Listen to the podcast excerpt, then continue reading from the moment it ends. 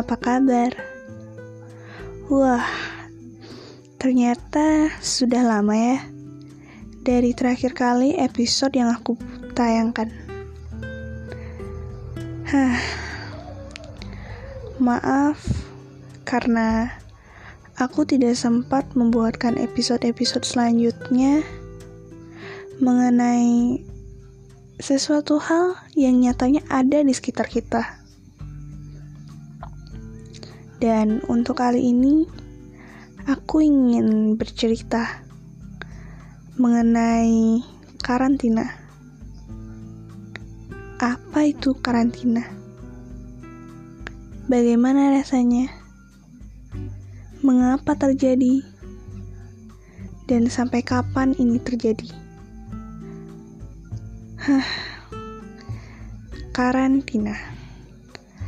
Hmm, jika dikatakan karantina itu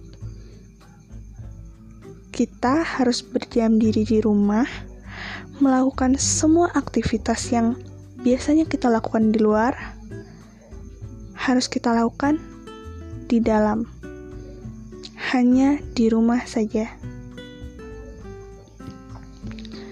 Hah, kalau dibilang rasanya lelah. Hmm, iya, lelah.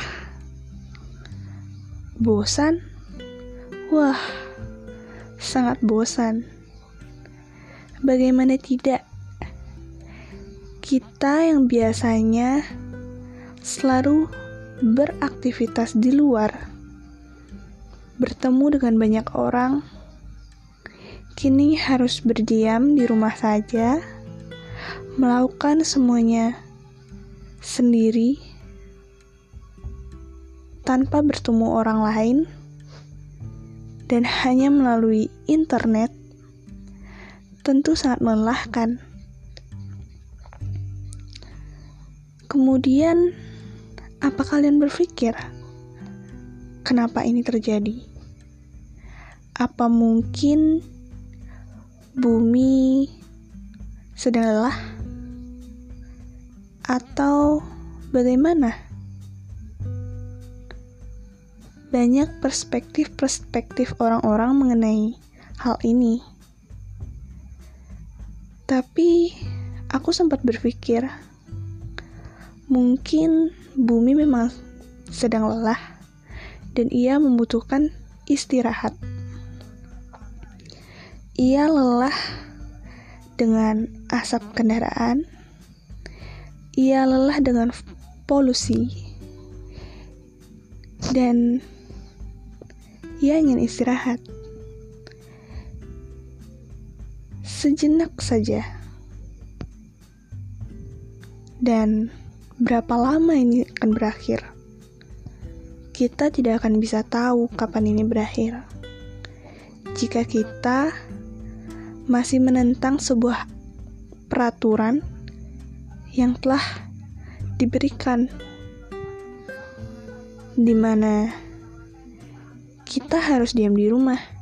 Ya kita harus diam. Kita harus berhenti sejenak.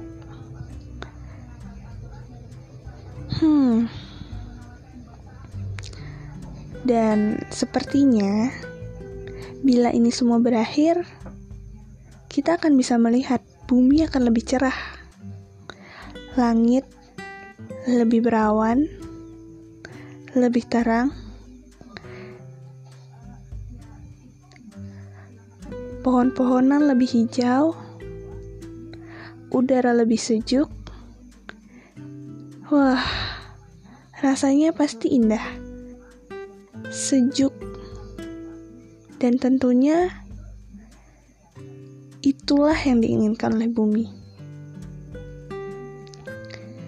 Selain itu, dengan adanya karantina, kita juga lebih paham mengenai menjaga kesehatan diri, menjaga diri sendiri, dan orang lain. Dengan kita paham akan menjaga diri kita, kita akan membantu untuk menjaga orang lain juga. Kita juga lebih paham akan artinya kebersamaan. Di mana yang dulunya kita lebih sering bekerja di luar rumah dan melupakan orang-orang yang ada di rumah kita, jarang bertemu dengan orang tua, bercakap-cakap dengan saudara.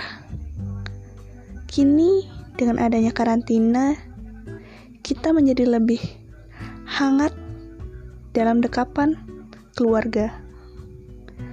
Walaupun banyak orang-orang yang tidak bisa pulang, jangan bersedih. Kami di sini tetap berdoa untuk kalian yang ada di sana. Jaga kesehatan kalian, dan sampai jumpa.